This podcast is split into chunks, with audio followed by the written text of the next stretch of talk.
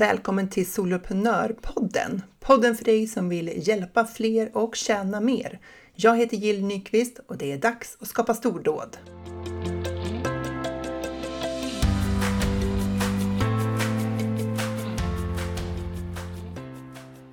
Har du funderat på om en podcast kan vara någonting för dig? Du kanske har gått och funderat lite grann om du skulle vilja starta en egen podd inom den nischen som du är verksam inom. Då är det här avsnittet för dig. För det här handlar om hur du startar en podd och misstagen du vill undvika. Det här har ju varit en riktig sommarvecka. Alltså, solen är här, värmen har kommit, det känns helt fantastiskt. Ehm, min vecka har varit bra. Jag har hållit eh, heldagsutbildningar i hur man skapar och leder egna digitala kurser med företagare som håller på med allt ifrån fritidstoaletter till brickor till eh, Eh, ledarskapsutbildningar och annat. Så det är ett brett spektra, vilket är superkul. Jag har också haft eh, den sista workshopen i en serie av workshops som jag har haft i ett uppdrag under våren. Eh, det har varit över 21 workshops. så det har varit långt och det har varit fantastiskt roligt och nu den här veckan så var det den sista av dem. Så det känns ju fantastiskt att ha levererat det. Dessutom har jag fått gjort lite planering i Soloprenörerna. Vi kommer ju att ägna juni åt att eh, jobba med att bygga vår e-postlista. Jag tänker att eh, det blir perfekt att ägna sommaren åt att eh, nå ut, öka räckvidden, få in fler prenumeranter som verkligen matchar vårt erbjudande. Att jobba med det under sommaren blir ju perfekt så att man har ett bra läge inför hösten. Så, okej. Okay. Hur startar du en podd och vad ska du tänka på och vilka misstag vill du undvika? Det är vad vi ska prata om nu och det känns ju jätteroligt att få göra en podd om en podd. Podda om podcasting. Så första frågan är väl såklart varför skulle du överhuvudtaget starta en podd? Vad kan det fylla för nytta eller för syfte i ditt företag? Och som eh, soloföretagare så behöver vi någon form att av plattform att kommunicera utifrån. Det kan vara en Youtube-kanal, det kan vara en blogg eller det kan vara en podd till exempel. Och eh, podcasting tycker jag har en unik fördel jämfört med alla andra plattformar vi kan välja. Och det är ju att det här ger ju oss verkligen en möjlighet att få prata med våra lyssnare mycket, mycket längre. Tänk dig att du kollar på ett Youtube-klipp eller att du scrollar på Instagram eller eh, att du läser en blogg. Eh, bloggar skumläser vi ofta, läser sällan hela. Eh, Youtube-klipp, där kollar vi ja, två och en halv, tre, fyra, kanske fem minuter. Sen kommer det upp relaterade klipp på Youtube och så hoppar vi över till något relaterat istället som kanske inte alls är på den ursprungliga kanalen. Jämför det med det fokus vi får när vi har en podcast. Många gånger, det är fortfarande så att de som lyssnar på eh, poddar, det vill säga ja, kanske du också nu, gör någonting annat samtidigt. Men det är någonting annat, det brukar ju oftast vara någonting som inte kräver samma fokus. Man kanske tar en promenad eller man städar eller lagar mat eller tycker jag, rensar i trädgård, viker tvätt eller tvätta bilen. Inte vet jag. Någonting som man gör liksom mer fysiskt och så lyssnar man på någonting under tiden. Och då märker man ju om man tittar på statistiken att det är betydligt högre procent som lyssnar klart på ett avsnitt jämfört med om du gör till exempel Youtube-klipp. Där får du några minuter av människors fokus och sen hoppar man vidare till nästa. Så säg att du får tre minuter fokus där så kanske du får 30 minuter uppmärksamhet från din lyssnare i en podcast. Och de allra flesta lyssnar klart på hela eller väldigt stor del av ett poddavsnitt. För man sätter på poddavsnittet, sen stoppar man undan telefonen i fickan eller lägger undan den någonstans och så lyssnar man medan man tar den där promenaden eller vad man nu gör samtidigt. Och det tänker jag är en unik fördel. Det är ju en eh, fantastisk möjlighet att verkligen få prata klart om ditt område. Att du kan verkligen eh, hitta olika vinklar som är värdeskapande för dina lyssnare inom den nisch du hjälper till med. och du får mycket mindre konkurrens i scrollet jämfört med andra plattformar som du också kan agera på. Så att om man jämför med Youtube där med 3 minuter så kanske 30 minuters lyssnande på podcast så får du tio gånger mer engagerade följare eh, jämfört med Youtube. Vilket ju också kan, kan man fundera, eller det kan man ha i åtanke när man tycker att eh, ens podd växer för långsamt. Att man skulle önska att den nådde ut till många, många fler, vilket vi naturligtvis alltid gör. Det är ju toppen om man kan nå så många som möjligt inom den nisch man hjälper till inom. Eh, men även om du har eh, färre lyssnare än vad du kanske skulle ha på en Youtube-kanal så blir det så mycket högre kvalitet då.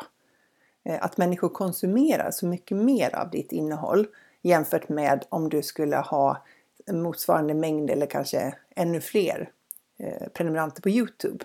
Så det är skillnad också tänker jag i kvalitet. Att eh, en poddlyssnare har en mycket större möjlighet att skapa en långvarig relation med. För om du tänker på dina favoritpoddar, då känns det lite grann som att ja, men det känns lite grann som att man känner de där människorna som sitter och poddar. Eh, de kanske berättar lite grann från sin vardag och de, eh, man får följa deras företag och deras sätt att prata och dela med sig av kunskap och vissa saker upprepas. Ehm, det säger sig självt, alltså det finns ju poddar som har liksom 300 eller 400 avsnitt och det är klart att saker och ting upprepas. Men det är inte så tokigt, eller hur? Det är rätt skönt liksom att få höra saker om och om igen för att viktiga saker, det är inte så att vi kan höra dem en gång och så när vi är fullärda i det eller har förstått allting utan det är en fördel när samma typ av budskap kommer tillbaka fast kanske presenterat i ett nytt sammanhang eller från en ny vinkel eller sådär. Det, det gör att poddlyssnande verkligen kan vara ett bra sätt att lära sig någonting inom ett nytt område. Så du kan ju vara den här podcasten som faktiskt utbildar och skapar en relation med dina blivande lyssnare. Det är ett utmärkt tillfälle för dig att verkligen bjuda på din kunskap och kanske förändra människors syn på någonting inom din nisch.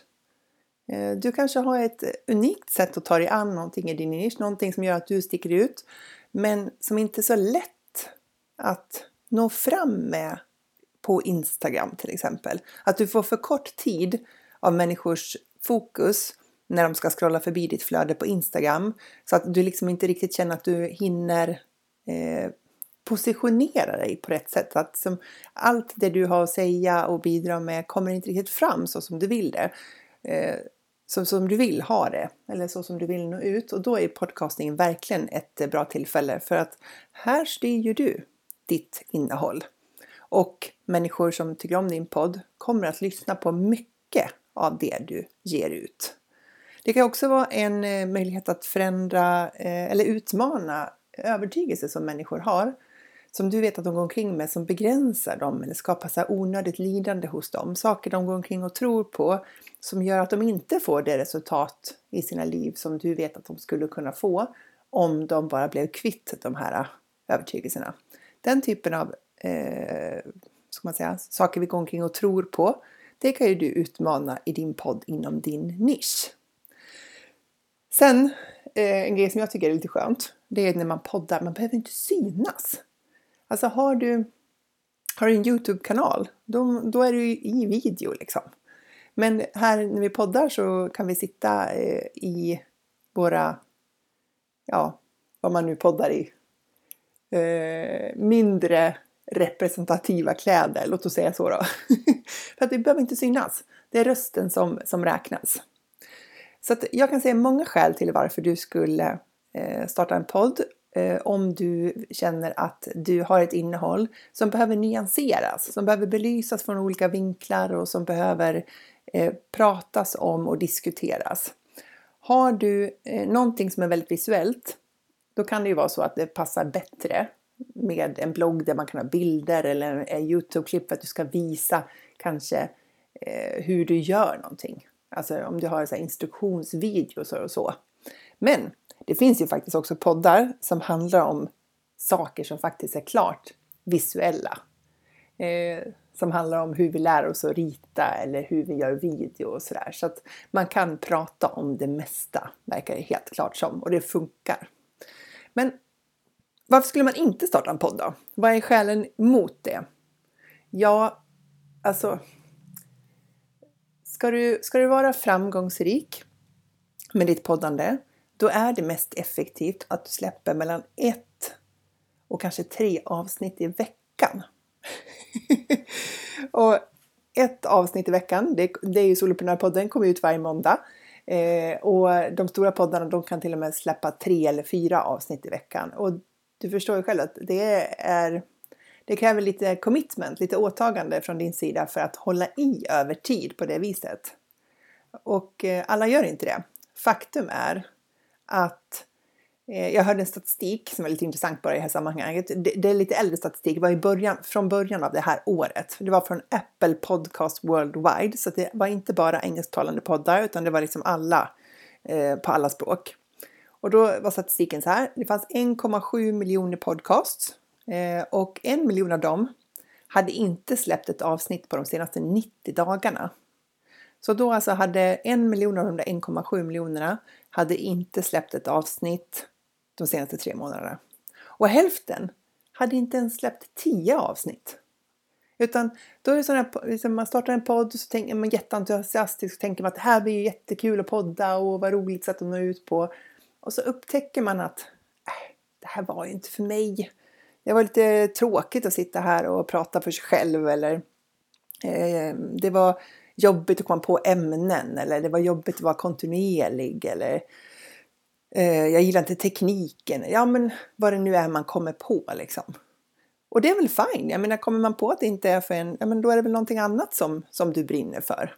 Men det här med att starta en podd, det är ju ett långsiktigt åtagande om du ska ha nytta av den. Om det verkligen ska funka som en en eh, strategisk viktig marknadsföringskanal för dig. Där du verkligen bjuder på innehåll och bjuder på din kunskap och skapar relation över tid med dina lyssnare.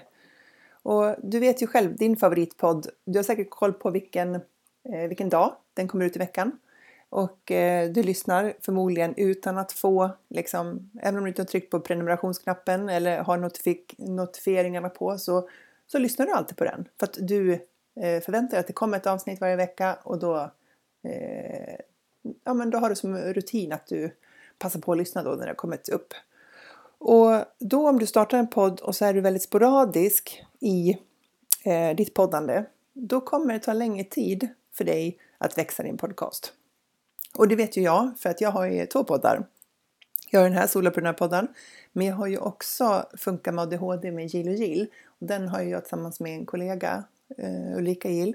Och där är vi inte alls regelbundna. Utan där blir det lite grann efter liksom, vad vi lyckas få ihop. När vi hittar tid med varann och sen har vi gäster ibland och, och sådär. Och det kommer mer sporadiskt.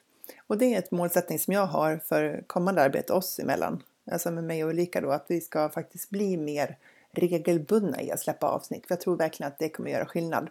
Podden är jättepopulär, men det är ingen som vet när det kommer ett avsnitt till.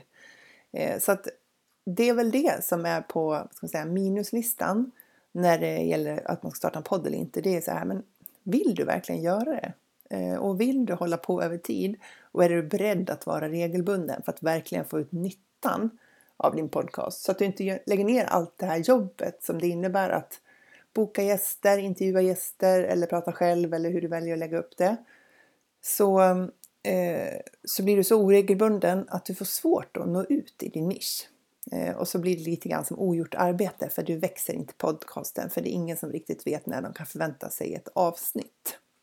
Men eh, om det är så att du sätter igång och sen kommer du över eh, 10 avsnitt då tillhör du ju faktiskt topp 25 procent eh, av poddarna som eh, faktiskt har kommit över den där eh, magiska gränsen på 10 avsnitt. Då.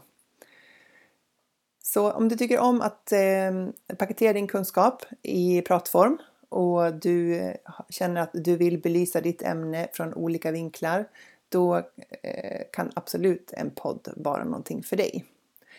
Men hur ska man tänka kring det här med innehållet då? Ja, men du, du har ju säkert liksom flera poddar som referenser kring vad du, vad du tycker om att lyssna på. Man kan ju ha solavsnitt. Det är sånt här som jag sitter och pratar med nu. Alltså jag, det är bara jag som pratar. Eh, sen kan du ha intervjuavsnitt och då har du gäster, en eller flera gäster som du intervjuar. Och eh, då pratar ju, då är ju gästen i fokus.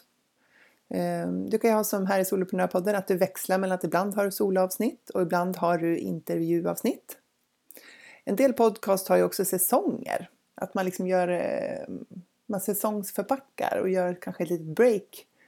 Vi säger att det här skulle kunna vara säsong två av Soloprenörpodden och så är det uppehåll över sommaren så börjar säsong tre efter sommaren eller något sånt där. Nu kommer det inte vara så, jag har inga säsonger i Soloprenörpodden men det, det finns säsonguppdelning också. Eh, och eh, det är eh, en podd som jag lyssnade på om poddar, en podd om poddar, eh, sa just att om du vill verkligen stärka ditt varumärke och knyta liksom, starkaste relationer med dina poddlyssnare så går det fortast genom att du har soloavsnitt. Alltså att du pratar själv. Det tar längre tid att etablera den där no, like and trust-faktorn eh, om du hela tiden bygger avsnitt som är intervjuer med gäster. Så. Um, sen har vi det här med eh, att starta en podd, det här med omslaget. Du behöver ju, eh, omslaget är ju viktigt för att du ska attrahera eh, rätt lyssnare, att man ska liksom hitta din, din podd och eh, känna att man har ett attraktivt omslag. Det är som omslaget på en bok liksom. Eh, och det där är ju det där är ju inte helt lätt liksom att sätta eh, varken omslag eller namnet på podden.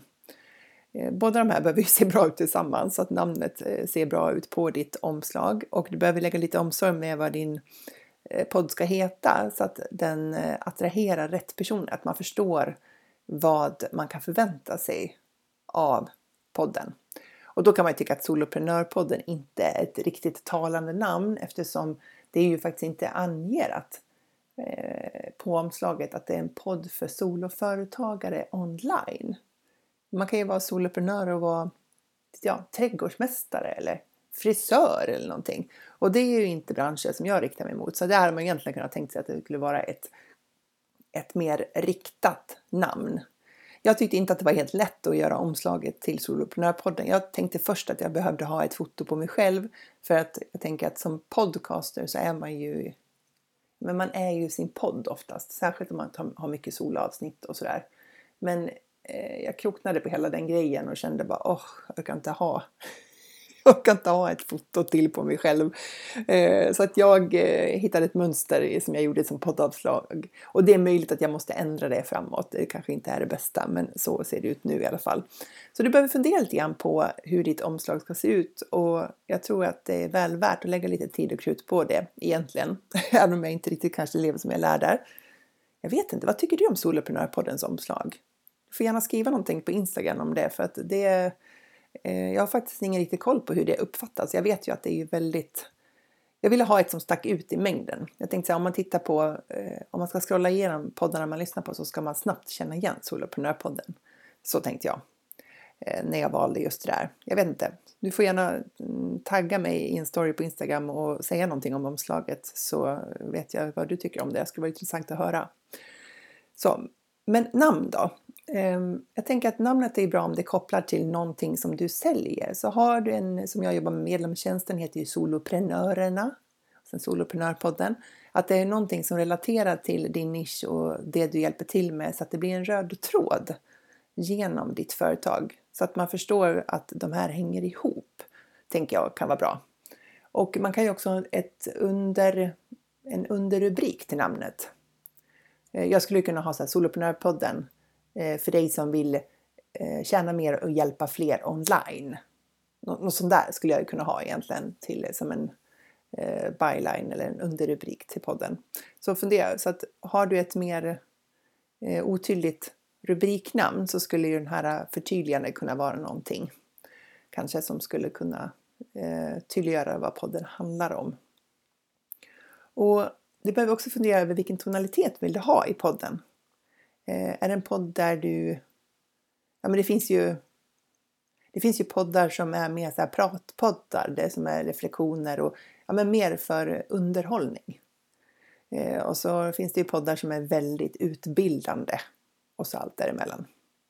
Och eh, vad är syftet med din podd? Så, vad, vad liksom, vilken tonalitet vill du använda? Hur vill du ha Vill du att det ska vara lättsamt? Ska det vara allvarligt? Ska det vara djupt? Ska det vara ytligt? Eller sådär. Så podden ska ju vara en förlängning av ditt personliga varumärke. Så att följer man dig någon annanstans på Instagram eller Facebook eller eh, ditt nyhetsbrev eller någonting så ska, ju, ska man ju känna igen dig i alla de här kanalerna och så även i podden. Men i podden har ju du möjlighet att vara mer nyanserad i hur du pratar eller skrattar eller inte skrattar eller vad du väljer att lyfta fram eller vad du väljer, liksom väljer att betona och sådär. Så att du verkligen eh, känner att podden ger en eh, bra bild av vem du är som person och vad du hjälper till med. Så det var lite grann kring innehåll. Och sen har vi det här med ljud eh, och teknik. Och ljud, det är bra att podda i ett rum som har mycket textilier. Så har du något belamrat rum någonstans, typ i en så här klädgarderob man kan gå in i, det är ju perfekt. Det blir så här dovt och bra ljud. Har du ett väldigt kalt eh, rum du sitter i, alltså det är inte så mycket saker eller textilier, då är risken att ljudet blir hårt och eh, kanske lite nästan som en ekokänsla. Att det, det hörs nästan att man sitter i en stor lokal. Så att ju mer ombonat desto bättre. Och jag antar att de flesta av oss har liksom inte en poddstudio ståendes ståendes eh, hemma sådär. Men man kan faktiskt skapa en poddstudio.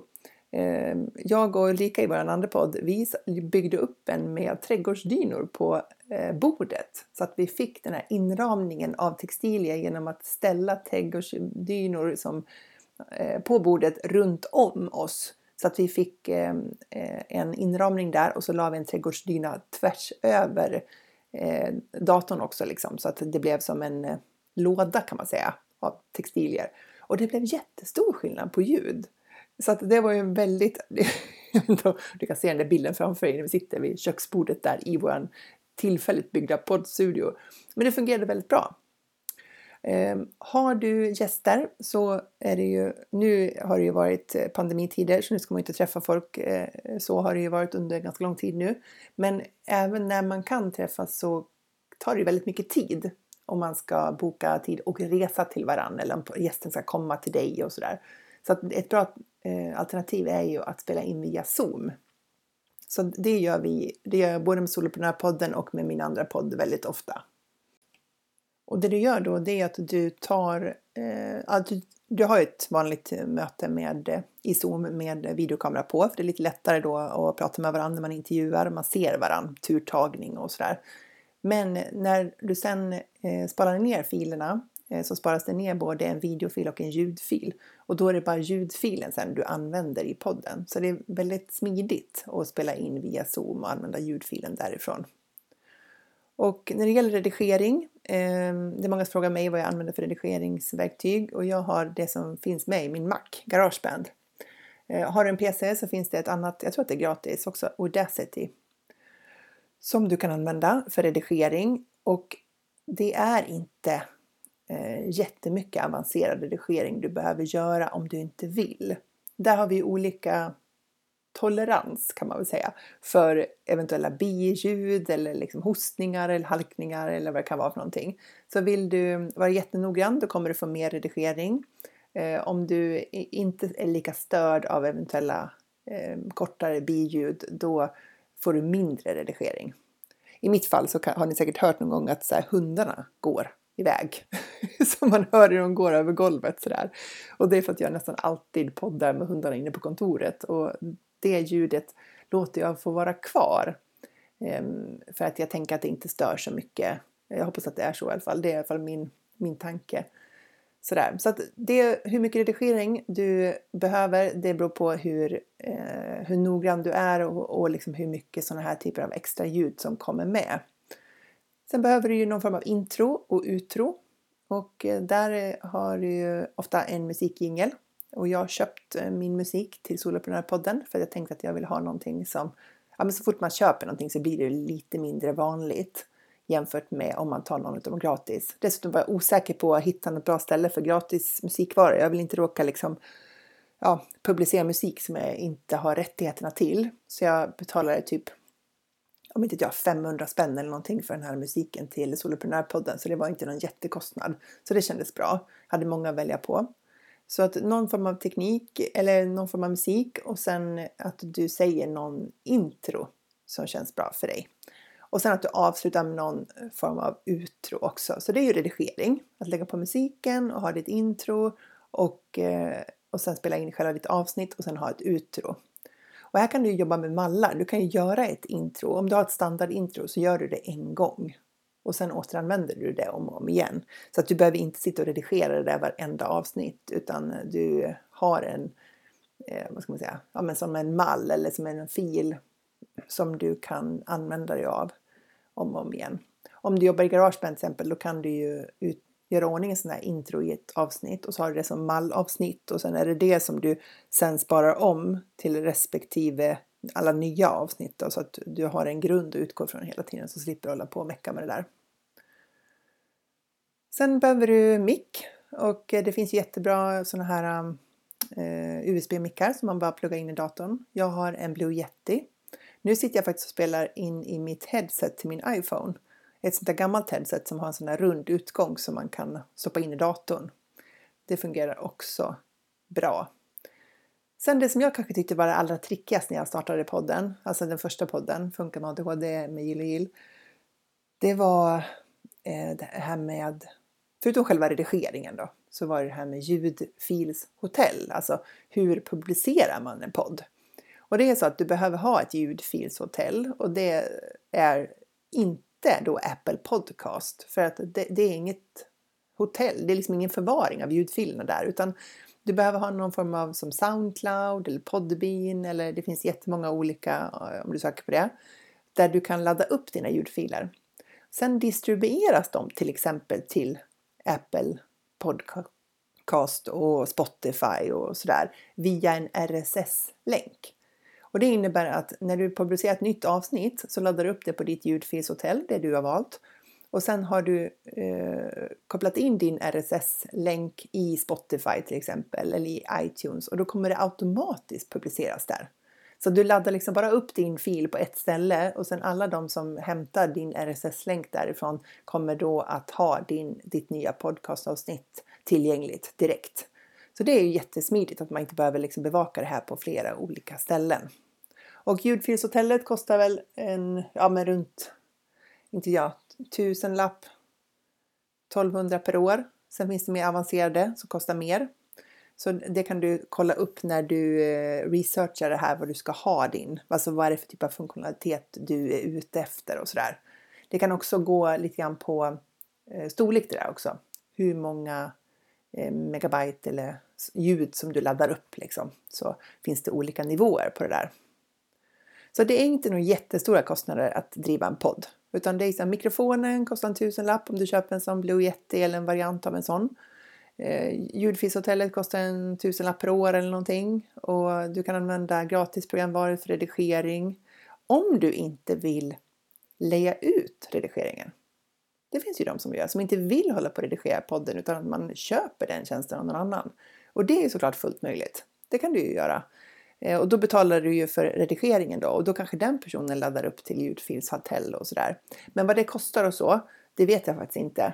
Någon gång när jag kollade det där, fast det var ett tag sedan nu, då hittade jag ett pris på 2 500 kronor plus moms per avsnitt. Men jag har ingen aning om om det var ett vanligt pris eller inte.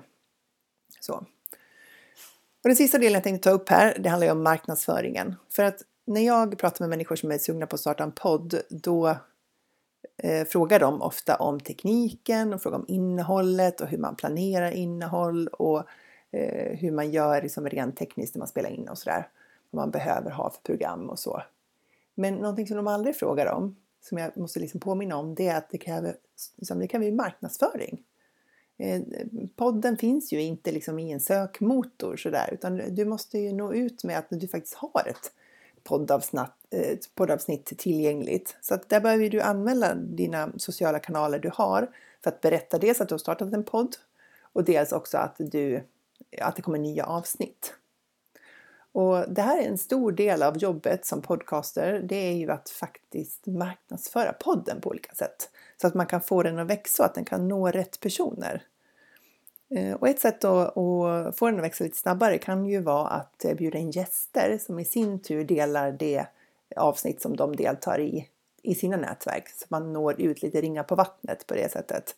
Så det kan ju vara ett bra sätt att liksom öka räckvidden för din podcast. Sen kan du naturligtvis eh, annonsera eh, på Facebook, eh, alltså som, som vilken annons som helst fast den går till din podcast istället. Men marknadsföringen, den är en viktig del. Och som sagt, vill du verkligen nå ut med din podcast så då funkar det bäst om du släpper ett avsnitt per vecka eller mer, men att du är regelbunden. Att vara mindre regelbunden, det kommer att göra att din podcast växer långsammare. Ehm, och eh, det finns ju också många möjligheter att dela innehåll från din podcast. Alltså det kan ju vara ditt återkommande veckoinnehåll som du skickar nyhetsbrev utifrån ditt podcastavsnitt. Eh, du gör eh, sådana här små ljudfiler på Instagram eller du gör inlägg utifrån det här poddavsnittet du har. Så det kan verkligen vara en bra grund att göra all annan kommunikation utifrån. Så då välj, gäller det ju att du eh, väljer innehåll i din podd som verkligen hänger ihop med din övergripande innehållsstrategi. Alltså vad är det du förmedlar till dina följare som, sen, som hjälper och utbildar dem inom det området och som så småningom sen också eh, Eh, gör dem till dina kunder, till dina betalande kunder. För att om människor tycker om det du förmedlar i podden så, eh, och de väljer att bli dina betalande kunder, då vet de ju lite grann vad de får, eller hur? Alltså de som har lyssnat på Soloprenörpodden och sen kommer in i Soloprenörerna, de, de har ju rätt bra koll på hur jag pratar och hur jag lär ut saker, vad jag fokuserar på, eh, hur jag är som person. För att de har liksom lärt känna mig under sina timmar lyssnandes på Soloprenörpodden. Vilket innebär att det blir inte så stora överraskningar då eh, när man väljer att gå med i Soloprenörerna. Utan man bara inser att så här, oj, det fanns ännu fler lager av saker jag kan lära mig eller som jag får tips på här eller eh, mallar för eller strukturer att jobba i och så vidare. Eftersom Eh, jag inte delar med mig av alla lager av det jag lär ut till soloprenörerna i podden utan det blir lite mer översiktligt så här i podden. Så Eh, jag tycker att det känns väldigt bra att människor inte får någon sån här konstig överraskning och, utan man vet lite grann vad man kan förvänta sig. Och så blir det ju också om du väljer att starta en podd. Att de vet vad de kan förvänta sig av dig. Vad du hjälper till med, vad du fokuserar på, hur du lär ut, din stil. Vilket gör att sannolikheten, tänker jag, att de blir nöjda kunder till dig blir ju mycket, mycket större jämfört med om eh, de inte skulle ha känt till dig. Eh, ja, såklart inte känt till det alls. Det är väldigt sällan man köper sådana, men att man bara har tagit del av ditt innehåll i sociala medier. Men som sagt, starta en podcast är inte en quick fix. Det är inte eh, någonting som du gör ett par tre veckor och sen släpper och tänker att du ska få resultat av det. Självklart kan du starta en podd, känna efter om det här är någonting för dig. Och är det inte det, ja men då fattar du ett nytt beslut. Och så väljer du att göra en blogg istället eller en Youtube-kanal eller något annat innehåll som, ja, som passar dig bättre. För hela poängen är ju att om du startar en podd så ska den hjälpa dig att skapa dina stordåd.